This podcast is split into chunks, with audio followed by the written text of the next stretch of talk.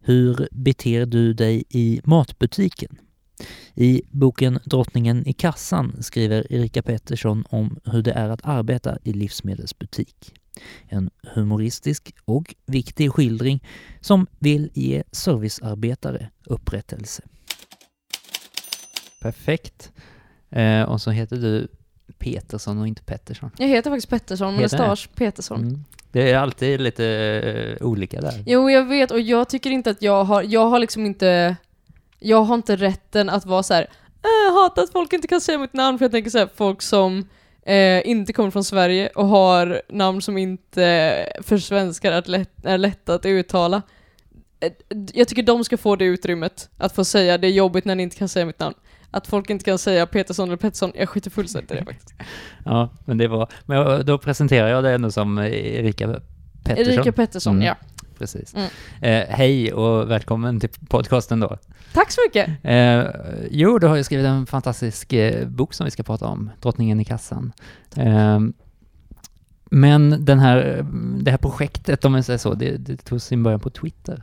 Mm. Kan du berätta? Eh, ja, jag eh, har jobbat i en livsmedelsbutik hela mitt liv. Eh, och jag har liksom alltid tänkt på att folk kan bete sig lite märkligt. Alltså folk är inte mot mig i kassan som de är mot mig eh, när man är ute på stan och går. Om man är det någon gång.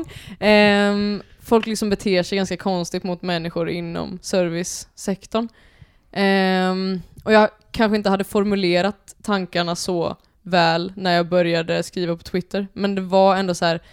Eh, det finns ganska många roliga segment när människor liksom är konstiga mot en. Och jag började skriva så här. jaha nu kom det in en kund och, och sa så här. Eh, och så fick det ganska mycket gensvar. Folk tyckte att det var ganska kul och väldigt många kunde känna igen sig att så här, ja, jag jobbar också inom samma bransch och folk säger det ena och det andra liksom. Eh, alltså där började det och där fortsatte det. Men hur, hur tror sen det blev en bok sen också. Hur, Mm. hur gick den resan då? Ehm, ja, alltså jag har nog ändå alltid tyckt om att skriva. Jag gick eh, media på gymnasiet och eh, hade en väldigt duktig och driven textlärare som eh, eh, väldigt sällan kritiserade grejer utan var mer så här: ni måste bara skriva. Varje lektion var liksom så här, ni måste sätta er ner, ni måste skriva nu, skriva, skriva, skriva. Alltså det är skitsamma eh, om det blir skit liksom.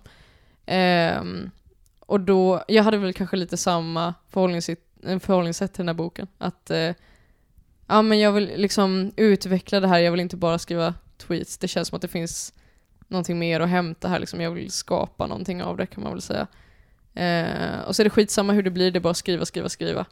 Så då bara skrev jag så mycket jag bara kunde. Eh, och då blev det ett fanzine som jag sålde via min Twitter. Eh, och sen när det liksom intresset hade svalnat, jag sålde kanske 500 böcker, eh, så tänkte jag okej men nu har jag några kvar, det är ingen mer som vill köpa den här boken, eh, så skickar jag in den till några förlag. Eh, och så hittade Galago den i sin, i sin brevlåda eh, och tyckte att den här ska vi ge ut. Så det var så det gick till. Ja, vad kul eh, du säger där om språket, för något som eh, jag känner när jag läser den att det är ganska mycket ett internetspråk liksom. Du, du är ganska eh, babblig om jag får Ja, säga så. ja, alltså, du, du, använder det där typiska internetspråket liksom. Mm. Ehm, men det känns ganska medvetet, tycker jag. Eh, både ja och nej. Ibland så kan jag tycka, jag, det här är ju liksom att jag försöker kombinera humor med att berätta, alltså göra en arbetarskildring om man ska använda sådana ord. Eh, och jag tycker ibland när jag läser att eh, när folk skriver i talspråk så blir det mycket roligare. Och då ehm, har jag väl hamnat i någon slags eh, medelväg. För jag vill ändå att så här, människor som inte hänger på internet ändå ska förstå vad jag skriver.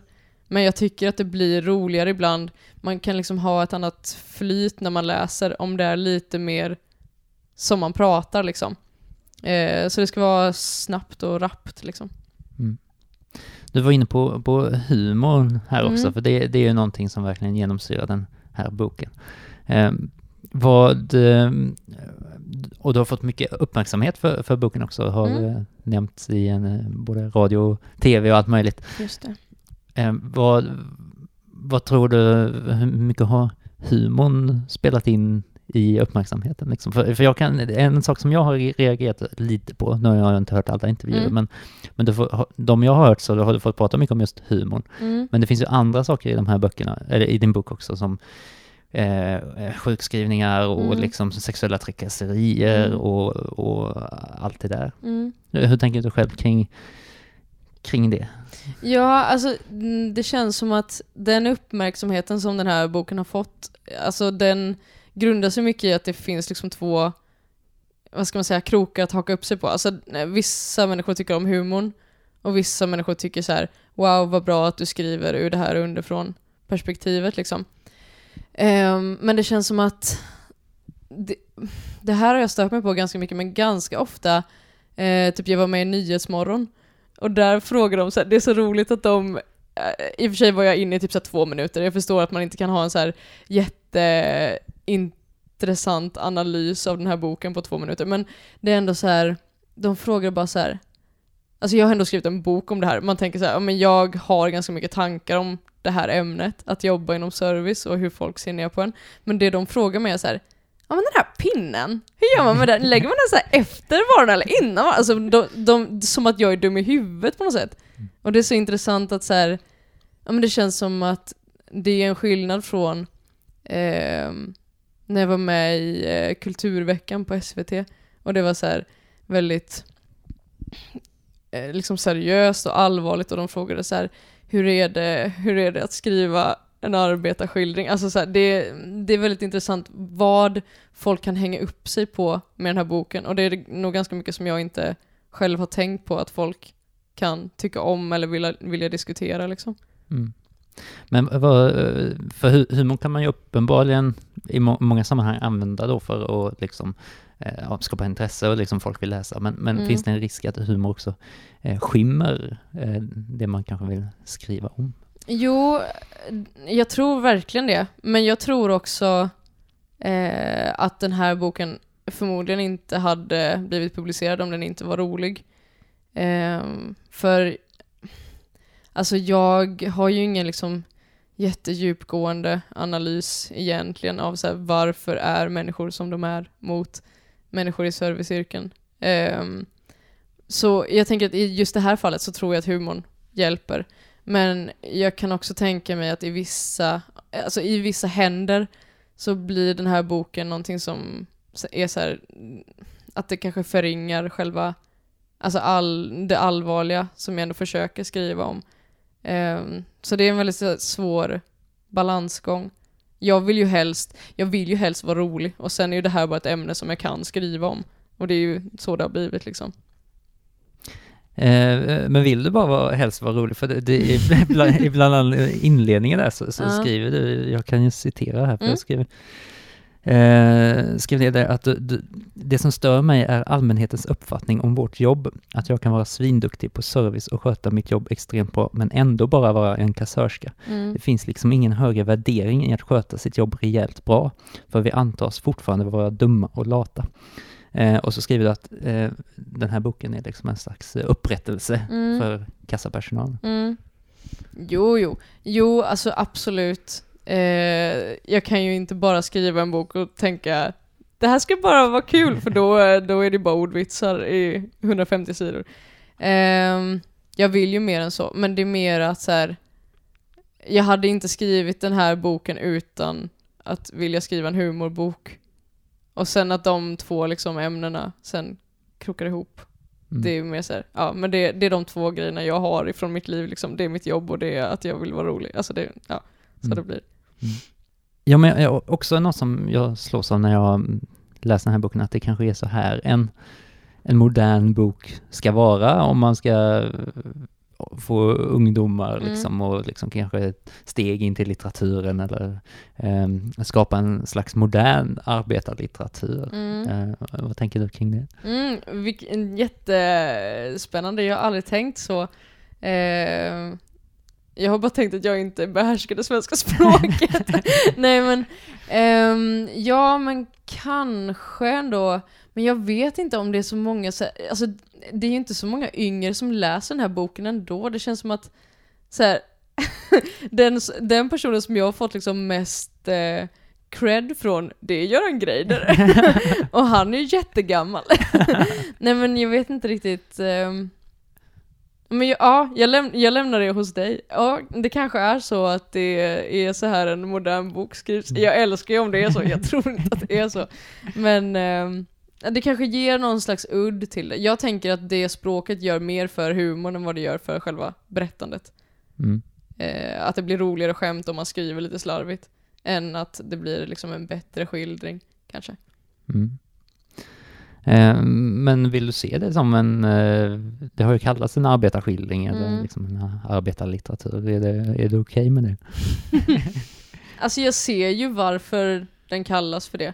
Men det är ju kanske inte vad jag har velat. Men å andra sidan vet jag inte vad jag har velat med den här boken. Jag vill ju bara skriva och sen så har det liksom gått bra. Det är typ så det har varit. Men ehm, Ja men visst är det väl. Alltså jag tycker ändå så här, ja absolut för jag är en person som har jobbat och jag skriver om mitt jobb på ett väldigt ärligt sätt och det är liksom en väldigt så här. ja men jag berättar bara exakt hur jag upplever det och jag kan tycka att den har en fördel eh, i det. För det känns som att ibland läser man böcker och då är det så här en författare som har försökt eh, så här, eh, tänka sig in i hur ett arbete är och så känner man för fan så där är det ju inte. Jag kan ju i alla fall eh, liksom med korten på bordet säga att det är så här jag upplever det. Det är så här det är på riktigt liksom. Mm. Och, och där måste jag säga att jag, jag tycker att det också ligger i, i tiden på något sätt. Att det Mm. kommer just många böcker som, ja men någon slags eh, uppdatering av eh, på 70-talet så, Mm. så var dokumentarismen en stor genre. Man, man Mm. dokume- dokumenterade och åkte runt och intervjuade människor och Mm. skrev. Eh, och det här känns som någon modern eh, dokumentarism på något sätt. Att man Mhm, mm, eh, ganska faktamässigt sådär mm. eh, kan väva in någon slags folkbildningstanke också. Här. Jag gillar det här. Mm. Mm. Men är det en dokumentär även om jag skriver om mig själv? Eller Ja. jag tänker att en dokumentär är väl oftast att en annan person är så här: hur har du det? Men jag berättar ju hur jag har det. Är det samma sak? Ja, men det, no, ja, det är väl någon slags självbiografi då, men jag Mm, tänker ja, att, den också lyfter, eh, lyfter perspektivet och blir lite grann en faktabok Mm. liksom. Mm. Eh, I observationerna av allt annat och eh, uppradandet, uppradandet av olika sätt att hantera sig, eh, bete sig vid kassan Mm. och sådär. Att man- Det finns någon slags ja, men folkbildningstanke. Jag tänker på Liv Strömquist, Mm. är, är ju ganska folkbildande i, i sina böcker bland annat. Ja, jag fattar vad du menar. Det kanske är så. Alltså jag, jag har ju så svårt att se den, den delen av den här boken, för jag tänker ju det här är självklart, alla vet ju det här. Men uppenbarligen, gång på gång visar sig, folk vet inte det här. Folk vet inte hur man ska bete sig, folk vet inte hur en person i ett serviceyrke upplever kunder. Jag tänker att det är självklart att alla vet det och att alla har de här jobb. Jag tänker i min värld så jobbar ju alla i kassan och alla vet exakt hur det är. Men tydligen så är det inte så. Men var det svårt att skriva så enkelt? Det brukar, brukar vara svårt att skriva enkelt. Liksom. Du Mm. menar eh, ja, att, att du, bara, du säger att du bara skriver om, om din vardag eller så, att, Mm. att, om ditt jobb. ja, men jag kan nog inte göra det på ett annat sätt för då blir det liksom för avancerat för mig. Alltså, jag... eh, Det är ju på något sätt ganska självutlämnande att skriva om så här hur man upplever sitt jobb för det är någonting med så här att man ska vara en väldigt pers- perfekt person till exempel när du sitter på en arbetsintervju och du ska liksom inte ha några känslor kopplade till ditt jobb egentligen utan du ska bara vara så här ja, jag är en robot, jag kan allt, jag känner aldrig någonting, tack så mycket, hej då. Så. Eh, och det blir ju liksom ganska känsligt att då skriva om så här jag tycker det här är jättejobbigt och jag blir jätteledsen liksom. Eh, nu känns det inte som jag svarar på frågan. Vad var frågan? Eh, vad var frågan? Var det inte någonting om... vi, vi, pratade om dok, dokumentarism och... och Ja, Eh, om det var så jo, svårt att det skriva svårt? enkelt. Ja men precis. Nej, alltså mitt korta svar är nog så här: nej, om jag gör det svårt så blir det mycket svårare. Alltså jag, jag mycket i den här boken är ju så här. Idag var det en kund som sa så här och det är liksom det enda sättet jag kan berätta på för det är liksom eh, Jag kan inte göra det svårare än så. Jag är, alltså, jag är ju inte, jag ser ju mig inte som en författare. Jag ser mig bara som att jag har skrivit ner lite grejer och fått det publicerat liksom. Mm. Är det något eh, stukat självförtroende här?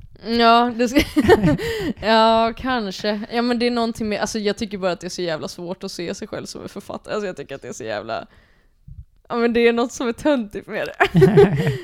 alltså att hävda att man är en person som skriver åt människor. Jag, alltså jag, vet, jag fattar ju att jag har släppt en bok, men jag tycker ändå att det är Ja, jag vet inte. Jag, jag tror inte att vi ska ta upp det här med, att jag har problem med min självbild kanske. men det har väl med det att göra. Men jag tänker att man kanske inte behöver vara, se sig som författare och liksom eh, bli ett yrke, utan det räcker kanske med att man vill skriva. Ja, ja, nej men absolut. Jag tänker ändå att man kan ju formulera det som jag är författare, eller så kan man formulera det som jag har släppt en bok. Mm. Och det är två helt olika saker. Och jag är mer bekväm med den formuleringen som är jag har släppt en bok. Mm. För jag tänker ju inte skriva fler, alltså det kommer ju inte en drottningen i kassan 2, 3, 4 och 5. Bestseller då? ja, exakt. Bara matar bara ut eh, exemplar. Ja, fy fan. Ja. Eh, men ehm, jag tänker också, om man sitter i, i kassan, blir inte klassamhället så extremt tydligt då?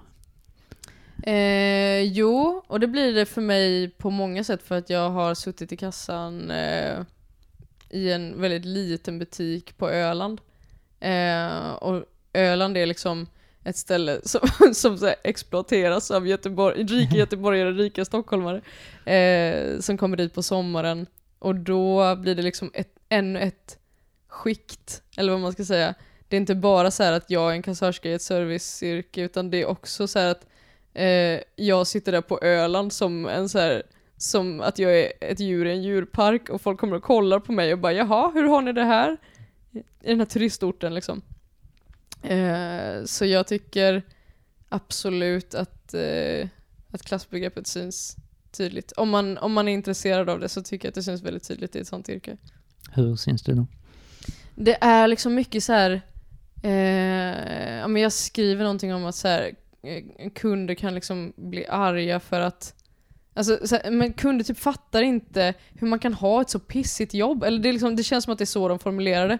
Att folk säger 'Men vadå, ska du sitta här ända till 11 på kvällen?' Och man bara 'Ja, det här är min vardag' Alltså vi står i samma lokal, vi står liksom på samma fyra kvadratmeter, den kunden och jag. Men den kan verkligen inte fatta min situation ändå, typ.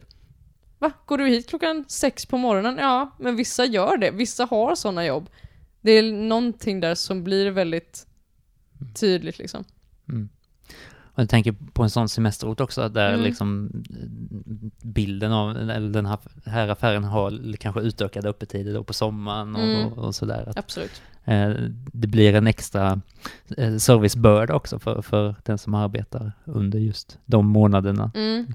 Ja, ja, och folk är också så här, gud vad härligt bor på Öland, det är så härligt med sommaren på Öland. Jag har aldrig sett sommaren på Öland, Nej, jag sitter precis. ju bara inne sommaren på Öland för att jag jobbar då, för det är då jag kan jobba mycket liksom. Mm. Mm. Mm. Eh, men eh, ja, du tar ju upp många, många problem med att jobba i kassan och du, mm. du, skriver bland annat en text i Lösa förbindelser. Just det. Eh, mm. en, en, eh, en antologi som eh, Handels eh, bland annat är med och ger ut då. Just det. Med Jenny Wrangborg som, som redaktör. Mm. Eh, och det handlar mycket om sexuella trakasserier, den texten. Mm. Eh, och är det något som man får möta ofta som kassörska? Jag skulle ändå säga att jag är ganska skonad från det. Eh, men jag alltså håller ändå dörren öppen för att jag har liksom varit i den här branschen så länge att jag kanske inte ibland ser, alltså så här, det, det, ibland blir man utsatt för grejer utan att fatta att man blir utsatt för det. För man är så himla, det är så normaliserat för en att folk är så här, Ja men det kan vara typ att en kund är så här, kom nu, kom nu lilla gumman så går vi till kassan. Och man är så här, alltså jag, jag liksom skalar bort det. Jag kan liksom inte, jag kan inte hänga upp mig på sådana grejer för då, det är liksom en överlevnadsstrategi att jag kan inte märka varje gång jag blir utsatt för sexuella trakasserier, för då liksom dör jag. Um, men det är ju extremt utbrett. Men eh, jag har liksom jag har liksom börjat utveckla eh, vissa liksom, strategier hos mig själv också. Det här är supersorgligt, men typ att jag slutade sminka mig ganska tidigt. Eh, för att jag insåg att okej, okay, men ju fulare jag är. Nej men någonting med att så här, ehm, det blir typ att så här, om jag har en fin frisyr och smink på mig och jag blir utsatt för någonting, eller någon så här gubbe säger någonting, då tänker jag i viss mån, aha, men jag kunde också gjort något för att förhindra det här. Um, så det, ja, det här är liksom, jag tycker det är väldigt, väldigt intressant att prata om och det är väldigt, väldigt viktigt. Um, för det känns som att ja, men många liksom tjejer i min ålder som har samma yrken tänker liksom inte på vad man blir utsatt för, för det är så normalt liksom. Och jag tänker någonting eh, som är återkommande genom den här boken är just den här dubbla relationen då. Mm. Eh, relation gentemot en ägare och chef och mm. också en relation gentemot kunden. Ja. Eh, och, och, vem blir egentligen kassören i, i den här positionen? Liksom ett, ett visst övertag gentemot kunden. Mm. Men också ett extremt under undertag, kan man säga Ja. Uh, jag kommer inte på något bättre ord själv. uh, där man måste liksom leva upp till att vara service-minded och mm. allt det här. Uh, samtidigt som man egentligen besitter en viss ett, ett kapital av kunskap mm. och sådär. Mm. Hur, hur, tänker du kring den relationen? Ja, nej, men det, det där är så himla intressant verkligen, för det, det händer ju att kunder är så här Eh, ja, men vissa som är lite snåla kanske har plockat på sig någon vara som kanske är lite så här, eh, ja, men så här, en del av etiketten kanske har eh, försvunnit eller något sånt. Alltså de hittar fel på olika varor och så kanske de säger i kassan så här ja men då vill jag att du drar bort 10 kronor typ. och då känner man sig, och då är det som att den kunden tror att jag har makt. Och då är man alltid så sugen på att säga, för fan du anar inte hur lite makt jag har i den här. För det är nästan så att kunden tror att man är överordnad. Men det är verkligen tvärtom på alla sätt i hela världen liksom. Eh, och sen är det ju extremt svårt. Eh, ja men som nu så eh, är det väldigt mycket inom handeln att man drar ner på personalen och det är liksom nedskärningar och eh, ja men man har väldigt liksom få resurser, man ska göra exakt samma service som tidigare. Eh, och då har man liksom den pressen på sig att man på något sätt ska vara kostnadseffektiv samtidigt som man ska göra kunden nöjd. Um, och det är liksom ganska svårt, för man kan ju liksom inte riktigt sätta ett pris på um, hur man gör service. Alltså, det handlar ju om mänskliga relationer och det är ganska svårt att säga vad kostar en mänsklig relation. Alltså, det är någonting som eh, ja, men det är liksom en grej som man tänker på ganska mycket i det här yrket. Att man är så här, man ska vara bäst men man ska också vara snabbast och det är något som inte klaffar mellan att vara just bäst och snabbast. Mm. Mm. Ja, du tar ju upp saker som, som delade turer och, och mm. ähm, att, att ensamarbete till exempel mm. och, och, sådär. Ja, det är helt omöjligt att vara en bra servicearbetare när du står själv i en butik och tänker ja, jag kan bli rånad när som helst. Och det är liksom ingen som kommer, jag är liksom helt oskyddad här på alla sätt. Det är väldigt, väldigt svårt. Mm. Och din upplevelse är att det har blivit mer ensamarbete då och mm. hårdare krav och liksom så? Mm, absolut. Eh, jag utgår ju mest från liksom mina egna erfarenheter och liksom folk jag eh, känner. Men det känns som att det blir liksom mer och mer accepterat för en eh, arbetsgivare att säga ah, men nu ska ni vara ensamma så här och så här många timmar på kvällen. Och då är det så här, ja men ni kan trycka på den här larmknappen så kanske det kommer en väktare, man, vi får se. typ så känns det. Men det är ganska svårt. Mm. Ja, det, det, det är sorgligt. Ja, det är det. Mm. Verkligen. Men hur är, hur är det är såklart få fastanställningar inom mm. det här yrket nu för mm. tiden också. Hur, hur, blir relationen mellan arbetskamraterna i, i, i en sån tillvaro?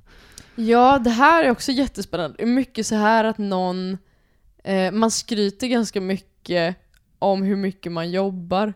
Alltså det blir någon sån intern tävling typ och det är också jätteintressant och väldigt, väldigt läskigt. Men det är många som är så här, eh, alltså skryter om att man har jobbat en 50 timmars arbetsvecka typ för att man, alltså man vill vara den som kan härda ut mest typ. För det ses ju upp på att vara en person som kan jobba väldigt mycket utan att ta skada liksom. Um, och det är väldigt konstigt men det, det, alltså det blir ett sånt det blir ett sånt liksom eh, det blir en sån situation för de som jobbar att man måste visa sig vara bäst på olika sätt och då kan ett sätt vara att ta extremt många eh, extra timmar till exempel. Det är jätte, jättekonstigt verkligen. Mm. För det är något som jag verkligen upplevt i, i de yrken jag har haft också. Att Mm. Det är ett väldigt skitsnackande bakom rygg. Ja, Om ja, absolut. särskilt om hur lata andra är. Ja, jo gud, absolut. Man har ju ofta kanske en allierad och sen är resten liksom så här. vad håller han på med? Vad har han gjort här? Alltså det, men det alltså man försöker väl ändå ha, jag älskar ju mina kollegor och jag tycker att de är extremt, extremt duktiga, men det är, jag känner ändå verkligen igen den, eh, men den jargongen att man är så Mm, men det har väl något att göra med att man har väldigt lite makt och man vill visa sig så duktig man kan på den lilla plattform man har och då blir det typ att man gör grejer så snabbt som möjligt, eh, man blir färdig så fort som möjligt och man jobbar så mycket som möjligt så att man ska liksom vara så duktig som möjligt inför chefen typ. Ja, det är Mm. ah, väldigt, väldigt eh, Ja. hemskt att tänka på. Ja, jag har haft jättesvårt att förklara det här för, Mm. för det bästa hade ju varit någon slags solidaritet gemensamt liksom. Ja, Men så kan man stå och så prata med någon som då säger, ja men han, han är borta, han är lite lat. mm. Och så går man till nästa, till honom då Mm. liksom, men hon, Ja, hon är ja. väldigt, väldigt lat. Alltså. Så man får, hör det från alla håll liksom, det spelar ingen roll hur mycket du jobbar för alla är lata. Nej men visst, och det känns ju, nu, nu är det här bara eh, källa-feeling, men det känns som att eh, alltså ju lägre ner i, liksom, i klassamhället vi kommer, alltså inom yrkena, det känns som att det är mer och mer skitsnack för att man är mer och mer rädd om sitt jobb på något sätt, för man har mindre och mindre makt liksom. Mm. Men jag vet inte, man sitter säkert och snackar skit om varandra på SVT också, jag har ingen aning. Men Mm, nej. ja, nej, de, de referenserna, det, det vet vi ju inte liksom. jag låter det vara osagt, definitivt. Men eh, jag tänker också att det har att göra någonting med, med en historisk syn på arbetaren, liksom att man eh, Mm. just arbetare har uppfostrats till att vara dugliga och ordentliga, liksom sköta sin Mm. ekonomi och hårt arbetande. Mm, absolut. Och att eh, så fort man då, eh, alltså du kan aldrig, du kan aldrig leva upp till det liksom, du kan alltid arbeta hårdare liksom. Och, och då på något sätt har man börjat föra vidare den egna kulturen liksom som, som andra egentligen har lagt på. Ja men absolut, och det blir väldigt tydligt i ett sånt här, i sånt här yrke där jobbet aldrig tar slut heller. För det är så här, alltså jag tänker om man jämför med en person som skriver till exempel, så är det så här, okej man skriver en text och sen skickar man in den och sen är man färdig. Men när man är i ett sånt yrke där det är så här, oh, men det är service och det är så här, det är en butik som ska skötas, då kan du alltid göra någonting mer. Och då blir det ju ännu tydligare vilka som är lata och vilka som inte är det. För det är så här, okej men en person som bara tycker att det här är min arbetsuppgift och jag är färdig nu, den är skitlat i jämförelse med den personen som gör tio andra arbetsuppgifter efteråt liksom. Mm. Det är något intressant i det. Ja, ja precis. Eh, lite byta ämne, men Mm. en eh, annan eh, intressant sak så tycker jag är liksom ditt, eh, dina notiser gällande språk. Mm. Eh, att språket är väldigt speciellt på arbetsplatsen. Mm. Eh, vill, du, vill du ta vid, berätta? Menar du, ehm, alltså det är som att jag inte har läst min egen bok, Nej. jag skäms så mycket. vad, är, vad menar jag då? Jag tänker på att du, du menar att, att, att folk kommer fram till dig och så säger de olivolja. Ja, ja, nej men absolut. Ja, men det är någonting med så här, det är som att vissa kunder tappar helt att så här, mm, det, är, det är ju ändå en mänsklig relation mellan en kund och en eh, personalperson liksom. Eh, men det är som att de kopplar bort det och bara är så här. Du är här för ett syfte, det är för att hämta den här kryddan åt mig och då kan det, vara, det kan vara så absurda situationer när någon bara står och skriker någon krydda mot mig så bara peppar och så måste jag springa och hämta det. Alltså det, det är liksom sådana sjuka grejer som, eh, som uppstår för att det är så här. Ja men det är liksom in, det är inte värt att spilla tid på att så här, kanske säga hej till mig. Utan så här, jag är där för att serva. Och det är jag ju, alltså jag köper det till viss del, jag är ju det. Men alltså jag tänker att det är ju ingen som förlorar på att säga hej hej. Det är liksom inte så svårt. Det tar Nej. inte så lång tid. Nej, du har sagt också någonstans att, eh, att kunna ha ett väldigt tydligt mål när de kliver in i en affär. De ska Mm. liksom ha en, en krydda eller någonting. Mm, Ehm, Ja men jag köper att man kan vara stressad men det är så här, jag, alltså hur lång tid tar det att säga hej? Alltså det är verkligen Det går ju på en inandning. Eh, och sen tänker jag också så här, jag har ju också varit stressad när jag har handlat. Och, men alltså det är liksom, det tycker inte jag går i... Det är liksom inte samma sak som att vara otrevlig. Nej. Faktiskt. Och, ja, men det är så här, ja men folk ska in och köpa sin mjölk och sen ska de hem. Och jag fattar om jag inte är en del av deras liv. Och jag menar inte att jag ska bli det heller när jag sitter i kassan. Men alltså, det är bara, det är bara att vara lite snäll. Det är liksom inte mer avancerat än så. Det är det enda min bok handlar om. Det är bara att vara lite snäll. Tror du att eh, många har blivit lite mer snälla nu när de handlar? Nej. Nej, jag tror verkligen inte det. Jag har funderat mycket på så här, vilka köper den här boken egentligen. Och jag tror ju att det är kanske folk som känner igen sig. Folk som tycker att det är så här, eh, härligt med arbetarlitteratur. Men jag tror ju inte att det är kunder. Så jag tror att eh, problemet kvarstår och det kommer det liksom göra. Jag har svårt att se att det är någon som är liksom, alltså de här som är riktiga grisar mot mig i kassan, de har inte köpt den här boken. Så de liksom når inte jag ut till och jag vet inte hur jag ska göra det. Jag kanske inte kan göra det. Man kan inte göra hur mycket som helst.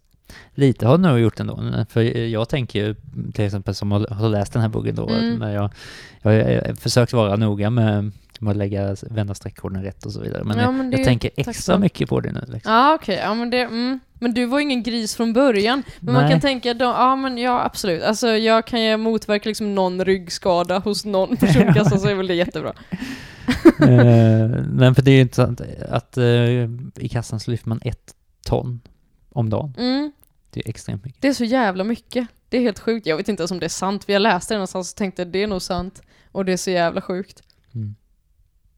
Ja, det, det var det jag tänkte på när det gäller folkbildningen där, att du, du har gjort research och liksom sökt Ja. reda på sån information. Jo, jo, nej men absolut. Men det här, ja, det här, den, just den researchen gjorde jag inte för boken, utan det är verkligen eh, att jag själv märkte. Alltså när jag var 22 så bara oj, min rygg, nej gud! Eh, höll på jättemycket så jag gå till sjukgymnasten och frågade vad är det som är fel på mig? Och hon sa okej, men det är en förslitningsskada. Och då var jag liksom 22. och då kände jag okej, jag måste googla lite, hur illa är det här egentligen? Och då insåg jag mer och mer att okej, det här är riktigt, riktigt illa. Eh, och det är så jävla vanligt att folk har jätte, jätteont i ryggen när de sitter i kassan. Jag fattar, alltså bara man sitter en dag, man har så fruktansvärt ont. Det är verkligen, folk fattar inte om de inte har testat. Nej. Ja. Ja, det är något, eh, det är nog det mest smärtsamma tycker jag med, med det, det, det finns också ett skifte i arbetarlitteraturen om, om man tittar på 30-talet eh, Mm. och så de stora skillnaderna gentemot då senare arbetarlitteratur som kommer på, på 60-talet med Mm. Stig Sjödin och Folke Fridell då, då, då välfärdssamhället ändå har byggts upp till viss del och, Mm. och liksom kanske det värsta är, är borta i någon mån. Eh, och då börjar man istället lyfta just arbetsskador. Och det tänker Mm. jag är någonting som är så otroligt påtagligt idag. Ja. Det, man ser ju på människor om de har arbetat. Ja. Du, ja, du ser om de är slitna liksom. Mm, mm. Och det är något så här, det, är en, det smärtar mig otroligt mycket liksom att, eh, att det är så orättvist. Ja, det är så hemskt. Jag lyssnar på, det här är absolut inte samma sak och jag menar absolut inte att jämföra men jag vill bara ta upp att jag lyssnade på den här eh, asbest-dokumentären eh, från Mm. P3. Har du lyssnat på den? Nej. Eh, det är så ett företag i Lomma som eh, gjorde eh, olika grejer av... Eh, ja, men det var mycket asbest i luften och folk eh, dog av det. Och man försökte mörka det väldigt länge och så här, man, ingen pratade om att så här, folk blev förgiftade på jobbet. Jag blev så fruktansvärt illa berörd för jag kände det är inte samma sak men så här är det för mig också i min rygg. det är så fruktansvärt bara. Mm. Att folk påverkas så mycket av liksom, sitt fysiska arbete. Mm. Ja, hela livet påverkas. Mm. Det- Det är ju inte bara arbetstiden liksom. Det, det är hela pensionen och all fritid och allt Mm, möjligt. mm, ja, nej men precis. Och så just att man har, har skaffat sig dem genom att arbeta för någon annan också. Tänker jag. Ja, ja, nej men verkligen. Inte själv få ta del av, av vinsten liksom för det. Nej, det gör man ju verkligen inte. Mm. Mm. Eh, vi berörde lite grann också med, med det här... Eh, eh, vad var det för konstigt sms? Du är bara såhär, nu ringer någon mig, nu har jag fått ett sms. Jaha. Mycket intressant, ska köpa boken. Okej. Ja, Ja, det var det, ja, ja, ja, nu fattar jag. Jag tipsade om din bok. Jaha, vad kul. Eh, det- och så är det någon som har hittat en Sydsvenskan Eh, artikeln. Fan, har den släppts nu? Ja, tydligen. Spännande. Har du inte läst det själv? Nej. Oh, spännande. De tog många konstiga bilder. Okej. Jag är rädd för vilken de valde. De var, mycket, de var väldigt mycket så här. vi gick runt på Coop här i Lund. och den här journalisten var väldigt så här. Eh, men det var en väldigt så här framåt journalist och en väldigt framåt fotograf och de var så här.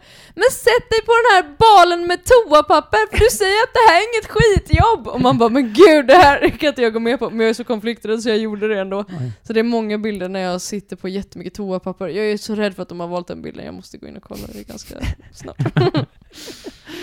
Men vi ska runda av tänkte jag. Mm. Eh, och då brukar jag alltid fråga, vad, vad är liksom, vad är nästa grej? Vad, när får vi, Mhm. vad, har du något på gång? Spännande. Ehm, alltså på gång just nu? Nej, jag har precis startat en blogg på Nöjesguiden. Eh, där jag skriver lite, lite vad jag vill. Försöker eh, liksom skriva en humorblogg. Ehm, utöver det, nej. Nej men sen gör jag inte så mycket mer. Jag vet inte vad nästa steg är. Jag tror inte att jag kommer skriva en regelrätt bok, eh, kanske någonsin igen. Eller i alla fall inte på ett bra tag, tror jag. Mm. Okej. En oregelrätt bok ser vi fram emot då. Ja, absolut. Det ska bli härligt. Ja, gott. Tack så mycket för att du var med. Tack så mycket.